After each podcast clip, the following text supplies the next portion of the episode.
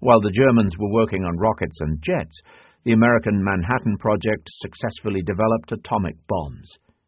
By the time the bomb was ready in early August 1945, Germany had already surrendered, but Japan was fighting on. American forces were poised to invade its home islands. The Japanese vowed to resist the invasion and fight to the death, and there was every reason to believe that it was no idle threat. American generals told President Harry S. Truman that an invasion of Japan would cost the lives of a million American soldiers and would extend the war well into 1946. Truman decided to use the new bomb. Two weeks and two atom bombs later, Japan surrendered unconditionally, and the war was over. But science is not just about offensive weapons. It plays a major role in our defenses as well. Today, many Americans believe that the solution to terrorism is technological rather than political. Just give millions more to the nanotechnology industry, they believe, and the United States could send bionic spy flies into every Afghan cave, Yemenite redoubt, and North African encampment. Once that's done, Osama bin Laden's heirs will not be able to make a cup of coffee without a CIA spy fly passing this vital information back to headquarters in Langley. Allocate millions more to brain research, and every airport could be equipped with ultra sophisticated fMRI scanners that could immediately recognize angry and hateful thoughts in people's brains. Will it really work? Who knows? Is it wise to develop bionic flies and thought reading scanners? Not necessarily. Be that as it may, as you hear these lines, the U.S. Department of Defense is transferring millions of dollars to nanotechnology and brain laboratories for work on these and other such ideas. This obsession with military technology, from tanks to atom bombs to spy flies, is a surprisingly recent phenomenon. Up until the 19th century, the vast majority of military revolutions were the product of organizational rather than technological changes. When alien civilizations met for the first time, technological gaps sometimes played an important role. But, even in such cases, few thought of deliberately creating or enlarging such gaps. Most empires did not rise thanks to technological wizardry, and their rulers did not give much thought to technological improvement. The Arabs did not defeat the Sassanid Empire thanks to superior bows or swords. The Seljuks had no technological advantage over the Byzantines, and the Mongols did not conquer China with the help of some ingenious new weapon. In fact, in all these cases, the vanquished enjoyed superior military and civilian technology. The Roman army is a particularly good example. It was the best army of its day, yet, technologically speaking, Rome had no edge over Carthage, Macedonia, or the Seleucid Empire. Its advantage rested on efficient organization, iron discipline, and huge manpower reserves.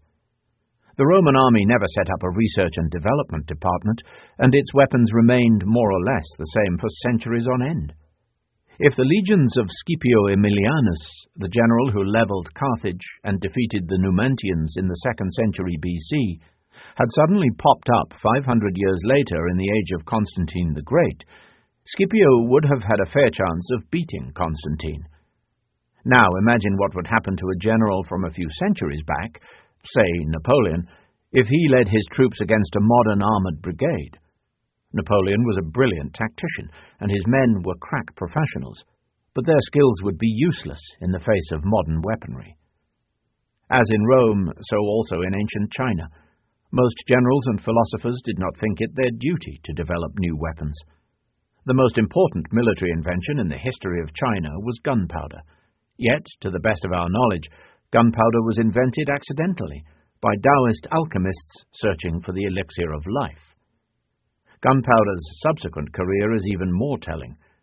One might have thought that the Taoist alchemists would have made China master of the world.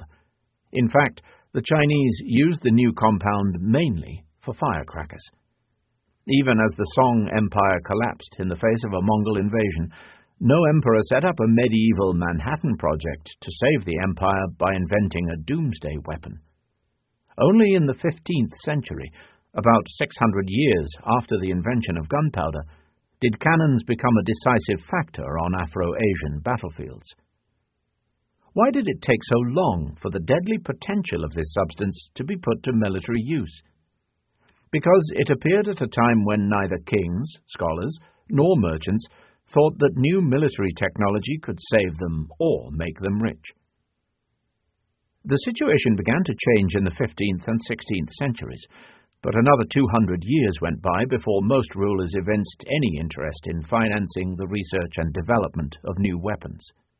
Logistics and strategy continue to have far greater impact on the outcome of wars than technology. The Napoleonic military machine that crushed the armies of the European powers at Austerlitz, 1805, was armed with more or less the same weaponry that the army of Louis XVI had used. Napoleon himself, despite being an artilleryman, had little interest in new weapons, even though scientists and inventors tried to persuade him to fund the development of flying machines, submarines, and rockets. Science, industry, and military technology intertwined only with the advent of the capitalist system and the Industrial Revolution. Once this relationship was established, however, it quickly transformed the world. The ideal of progress. Until the scientific revolution, most human cultures did not believe in progress. They thought the Golden Age was in the past, and that the world was stagnant, if not deteriorating. Strict adherence to the wisdom of the ages might perhaps bring back the good old times, and human ingenuity might conceivably improve this or that facet of daily life. However, it was considered impossible for human know-how to overcome the world's fundamental problems. If even Muhammad, Jesus, Buddha, and Confucius, who knew everything there is to know, were unable to abolish famine, disease, poverty, and war from the world, how could we expect to do so? Many faiths believed that someday a Messiah would appear and end all wars, famines, and even death itself.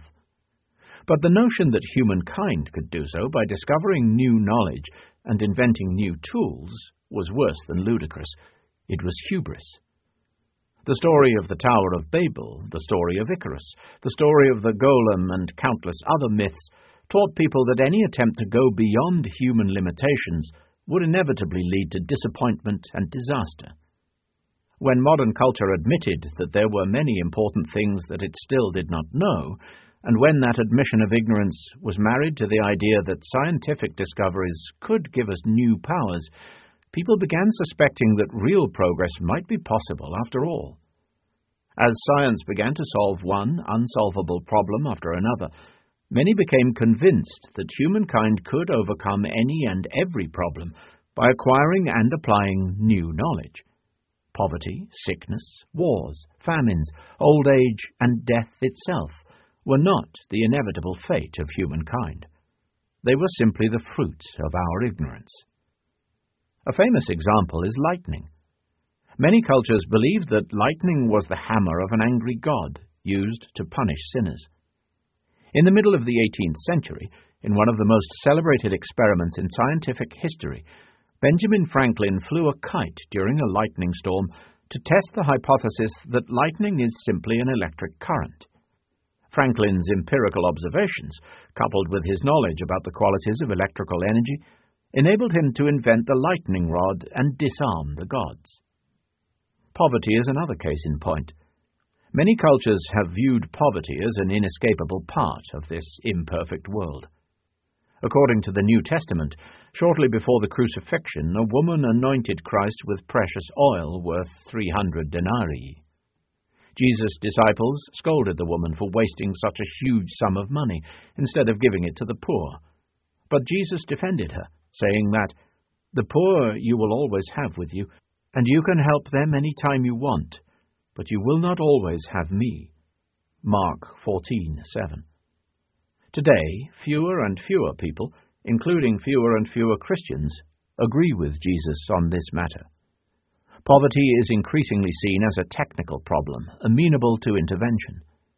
It's common wisdom that policies based on the latest findings in agronomy, economics, medicine, and sociology can eliminate poverty. And indeed, many parts of the world have already been freed from the worst forms of deprivation. Throughout history, societies have suffered from two kinds of poverty social poverty, which withholds from some people the opportunities available to others, and biological poverty, which puts the very lives of individuals at risk due to lack of food and shelter. Perhaps social poverty can never be eradicated, but in many countries around the world, biological poverty is a thing of the past.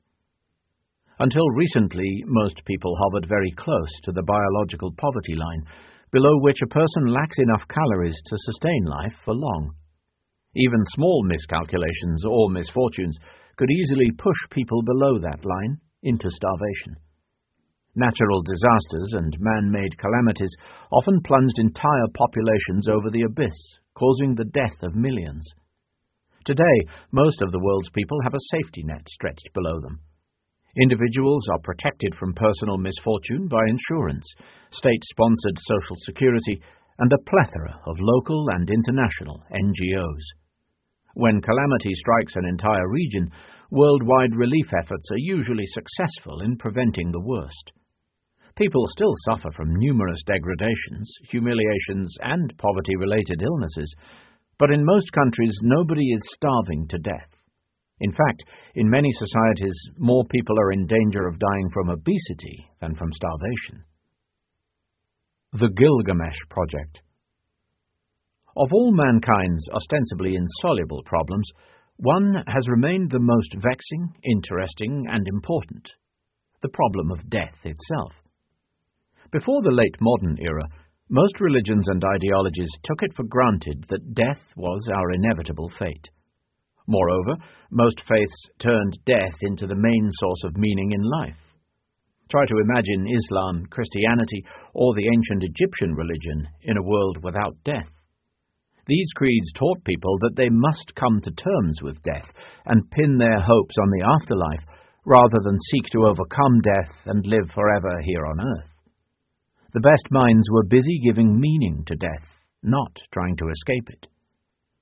That is the theme of the most ancient myth to come down to us, the Gilgamesh myth of ancient Sumer. Its hero is the strongest and most capable man in the world, King Gilgamesh of Uruk, who could defeat anyone in battle. One day, Gilgamesh's best friend, Enkidu, died. Gilgamesh sat by the body and observed it for many days, until he saw a worm dropping out of his friend's nostril. At that moment, Gilgamesh was gripped by a terrible horror, and he resolved that he himself would never die. He would somehow find a way to defeat death. Gilgamesh then undertook a journey to the end of the universe, killing lions, battling scorpion men, and finding his way into the underworld. There he shattered the mysterious stone things of Urshanabi, the ferryman of the River of the Dead, and found Utnapishtim, the last survivor of the primordial flood. Yet Gilgamesh failed in his quest. He returned home empty-handed, as mortal as ever, but with one new piece of wisdom. When the gods created man, Gilgamesh had learned, they set death as man's inevitable destiny, and man must learn to live with it. Disciples of progress do not share this defeatist attitude. For men of science, death is not an inevitable destiny, but merely a technical problem. People die not because the gods decreed it, but due to various technical failures a heart attack, cancer, an infection. And every technical problem has a technical solution. If the heart flutters, it can be stimulated by a pacemaker or replaced by a new heart. If cancer rampages, it can be killed with drugs or radiation. If bacteria proliferate, they can be subdued with antibiotics. True, at present we cannot solve all technical problems, but we are working on them. Our best minds are not wasting their time trying to give meaning to death. Instead, they are busy investigating the physiological, hormonal, and genetic systems responsible for disease and old age. They are developing new medicines, revolutionary treatments, and artificial organs that will lengthen our lives and might one day vanquish the Grim Reaper himself. Until recently, you would not have heard scientists or anyone else speak so bluntly. Defeat death? What nonsense! We are only trying to cure cancer, tuberculosis, and Alzheimer's disease, they insisted. People avoided the issue of death because the goal seemed too elusive. Why create unreasonable expectations? We're now at a point, however, where we can be frank about it. The leading project of the scientific revolution is to give humankind eternal life. Even if killing death seems a distant goal, we have already achieved things that were inconceivable a few centuries ago. In 1199, King Richard the Lionheart was struck by an arrow in his left shoulder. Today, we'd say he incurred a minor injury. But in 1199, in the absence of antibiotics and effective sterilization methods, this minor flesh wound turned infected and gangrene set in. The only way to stop the spread of gangrene in 12th century Europe was to cut off the infected limb, impossible when the infection was in a shoulder. The gangrene spread through the Lionheart's body, and no one could help the king. He died in great agony two weeks later. As recently as the 19th century, the best doctors still did not know how to prevent infection and stop the putrefaction of tissues. In field hospitals, doctors routinely cut off the hands and legs of soldiers who received even minor limb injuries, fearing gangrene. These amputations, as well as all other medical procedures, such as tooth extraction, were done without any anesthetics. The first anesthetics, ether, chloroform, and morphine, entered regular usage in Western medicine only in the middle of the 19th century. Before the advent of chloroform, four soldiers had to hold down a wounded comrade while the doctor sawed off the injured limb. On the morning after the Battle of Waterloo, 1815, heaps of sawn off hands and legs could be seen adjacent to the field hospitals. In those days, carpenters and butchers who enlisted to the army were often sent to serve in the medical corps, because surgery required little more than knowing your way with knives and saws. In the two centuries since Waterloo, things have changed beyond recognition. Pills, injections, and sophisticated operations save us from a spate of illnesses and injuries that once dealt an inescapable death sentence. They also protect us against countless daily aches and ailments, which pre modern people simply accepted as part of life. The average life expectancy jumped from around 25 to 40 years, to around 67 in the entire world, and to around 80 years in the developed world. Death suffered its worst setbacks in the arena of child mortality. Until the 20th century, between a quarter and a third of the children of agricultural societies never reached adulthood. Most succumbed to childhood diseases such as diphtheria, measles, and smallpox.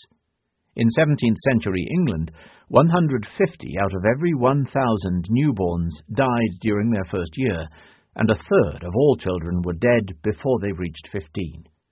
Today, only 5 out of 1,000 English babies die during their first year, and only 7 out of 1,000 die before age 15. We can better grasp the full impact of these figures by setting aside statistics and telling some stories. A good example is the family of King Edward I of England, 1237 to 1307, and his wife, Queen Eleanor, 1241 to 1290. Their children enjoyed the best conditions and the most nurturing surroundings that could be provided in medieval Europe. They lived in palaces, ate as much food as they liked, had plenty of warm clothing, well stocked fireplaces, the cleanest water available, an army of servants, and the best doctors. The sources mention 16 children that Queen Eleanor bore between 1255 and 1284. 1. An anonymous daughter born in 1255 died at birth. 2. A daughter, Catherine, died either at age 1 or age 3. 3. A daughter, Joan, died at 6 months. 4. A son, John, died at age 5. 5. A son, Henry, died at age six. Six. A daughter, Eleanor, died at age 29. Seven. An anonymous daughter died at five months. Eight. A daughter, Joan, died at age 35. Nine. A son, Alfonso, died at age 10. Ten. A daughter, Margaret, died at age 58. Eleven. A daughter, Berengaria, died at age two. Twelve. An anonymous daughter died shortly after birth. 13. A daughter, Mary, died at age 53. 14. An anonymous son died shortly after birth. 15. A daughter, Elizabeth, died at age 34. 16. A son, Edward. The youngest, Edward, was the first of the boys to survive the dangerous years of childhood, and at his father's death he ascended the English throne as King Edward II. In other words, it took Eleanor sixteen tries to carry out the most fundamental mission of an English queen to provide her husband with a male heir. Edward II's mother must have been a woman of exceptional patience and fortitude. Not so the woman Edward chose for his wife, Isabella of France. She had him murdered when he was 43. To the best of our knowledge, Eleanor and Edward I were a healthy couple and passed no fatal hereditary illnesses on to their children. Nevertheless, 10 out of the 16, 62%, died during childhood. Only six managed to live beyond the age of 11, and only three, just 18%, lived beyond the age of 40. In addition to these births, Eleanor most likely had a number of pregnancies that ended in miscarriage. On average, Edward and Eleanor lost a child every three years, ten children, one after another. It's nearly impossible for a parent today to imagine such loss. How long will the Gilgamesh project, the quest for immortality, take to complete? A hundred years? Five hundred years? A thousand years? When we recall how little we knew about the human body in 1900 and how much knowledge we have gained in a single century, there is cause for optimism. Genetic engineers have recently managed to double the average life expectancy of Caenorhabditis elegans worms. Could they do the same for Homo sapiens? Nanotechnology experts are developing a bionic immune system composed of millions of nanorobots who would inhabit our bodies, open blocked blood vessels, fight viruses and bacteria, eliminate cancerous cells, and even reverse aging processes. A few serious scholars suggest that by 2050, some humans will become amortal. Not immortal, because they could still die of some accident, but amortal, meaning that in the absence of fatal trauma, their lives could be extended indefinitely. Whether or not Project Gilgamesh succeeds, from a historical perspective, it is fascinating to see that most late modern religions and ideologies have already taken death and the afterlife out of the equation. Until the 18th century, religions considered death and its aftermath central to the meaning of life. Beginning in the 18th century, religions and ideologies such as liberalism, socialism, and feminism lost all interest in the afterlife. What, exactly, happens to a communist after he or she dies? What happens to a capitalist? What happens to a feminist? It is pointless to look for the answer in the writings of Marx, Adam Smith, or Simone de Beauvoir. The only modern ideology that still awards death a central role is nationalism. In its more poetic and desperate moments, nationalism promises that whoever dies for the nation will forever live in its collective memory. Yet this promise is so fuzzy that even most nationalists do not really know what to make of it. The Sugar Daddy of Science we are living in a technical age. Many are convinced that science and technology hold the answers to all our problems. We should just let the scientists and technicians go on with their work, and they will create heaven here on earth. But science is not an enterprise that takes place on some superior moral or spiritual plane above the rest of human activity. Like all other parts of our culture, it is shaped by economic, political, and religious interests. Science is a very expensive affair. A biologist seeking to understand the human immune system requires laboratories, test tubes, chemicals, and electron microscopes, not to mention lab assistants, electricians, plumbers, and cleaners. An economist seeking to model credit markets must buy computers, set up giant data banks, and develop complicated data processing programs. An archaeologist who wishes to understand the behavior of archaic hunter-gatherers must travel to distant lands, excavate ancient ruins, and date fossilized bones and artifacts. All of this costs money.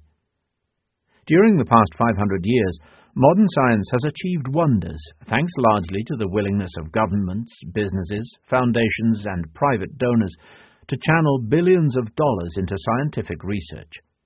These billions have done much more to chart the universe, map the planet, and catalogue the animal kingdom than did Galileo, Galilei, Christopher Columbus, and Charles Darwin. If these particular geniuses had never been born, their insights would probably have occurred to others. But if the proper funding were unavailable, no intellectual brilliance could have compensated for that. If Darwin had never been born, for example, We'd today attribute the theory of evolution to Alfred Russel Wallace, who came up with the idea of evolution via natural selection independently of Darwin and just a few years later. But if the European powers had not financed geographical, zoological, and botanical research around the world, neither Darwin nor Wallace would have had the necessary empirical data to develop the theory of evolution. It is likely that they would not even have tried.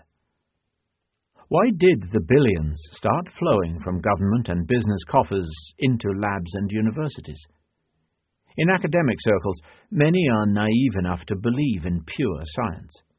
They believe that government and business altruistically give them money to pursue whatever research projects strike their fancy. But this hardly describes the realities of science funding.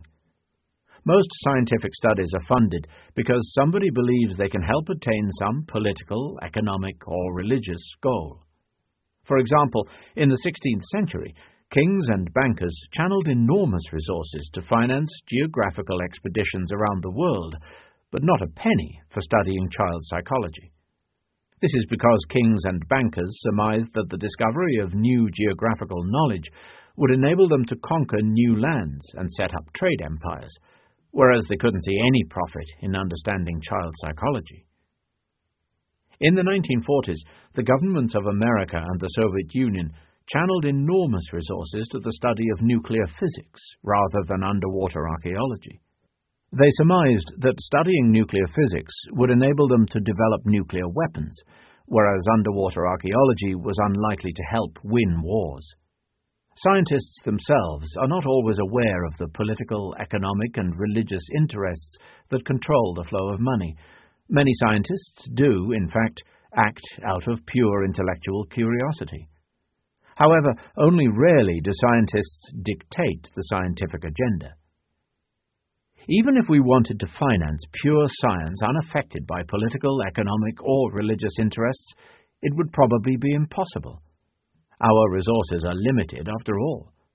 Ask a congressman to allocate an additional million dollars to the National Science Foundation for basic research, and he'll justifiably ask whether that money wouldn't be better used to fund teacher training or to give a needed tax break to a troubled factory in his district. To channel limited resources, we must answer questions such as what is more important and what is good? And these are not scientific questions. Science can explain what exists in the world, how things work, and what might be in the future. By definition, it has no pretensions to knowing what should be in the future. Only religions and ideologies seek to answer such questions. Consider the following quandary. Two biologists from the same department, possessing the same professional skills, have both applied for a million dollar grant to finance their current research projects. Professor Slughorn wants to study a disease that infects the udders of cows, causing a 10% decrease in their milk production. Professor Sprout wants to study whether cows suffer mentally when they are separated from their calves. Assuming that the amount of money is limited and that it is impossible to finance both research projects, which one should be funded? There is no scientific answer to this question. There are only political, economic, and religious answers. In today's world, it is obvious that Slughorn has a better chance of getting the money.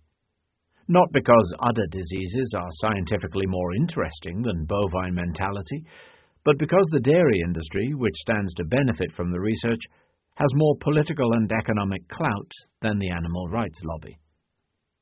Perhaps in a strict Hindu society where cows are sacred, or in a society committed to animal rights, Professor Sprout would have a better shot. But as long as she lives in a society that values the commercial potential of milk and the health of its human citizens over the feelings of cows, she'd best write up her research proposal so as to appeal to those assumptions. For example, she might write that depression leads to a decrease in milk production. If we understand the mental world of dairy cows, we could develop psychiatric medication that will improve their mood, thus raising milk production by up to 10%. I estimate that there is a global annual market of $250 million for bovine psychiatric medications. Science is unable to set its own priorities. It is also incapable of determining what to do with its discoveries. For example, from a purely scientific viewpoint, it is unclear what we should do with our increasing understanding of genetics. Should we use this knowledge to cure cancer, to create a race of genetically engineered supermen, or to engineer dairy cows with supersized udders? It is obvious that a liberal government, a communist government, a Nazi government, and a capitalist business corporation would use the very same scientific discovery for completely different purposes, and there is no scientific reason to prefer one usage over others.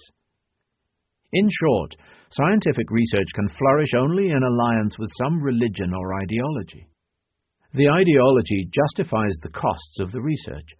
In exchange, the ideology influences the scientific agenda and determines what to do with the discoveries.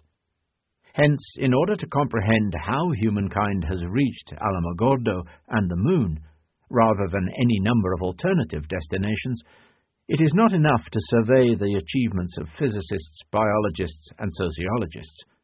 We have to take into account the ideological, political, and economic forces that shaped physics, biology, and sociology, pushing them in certain directions while neglecting others. Two forces in particular deserve our attention imperialism and capitalism. The feedback loop between science, empire, and capital has arguably been history's chief engine for the past 500 years. The following chapters analyze its workings. First, we'll look at how the twin turbines of science and empire were latched to one another, and then learn how both were hitched up to the money pump of capitalism.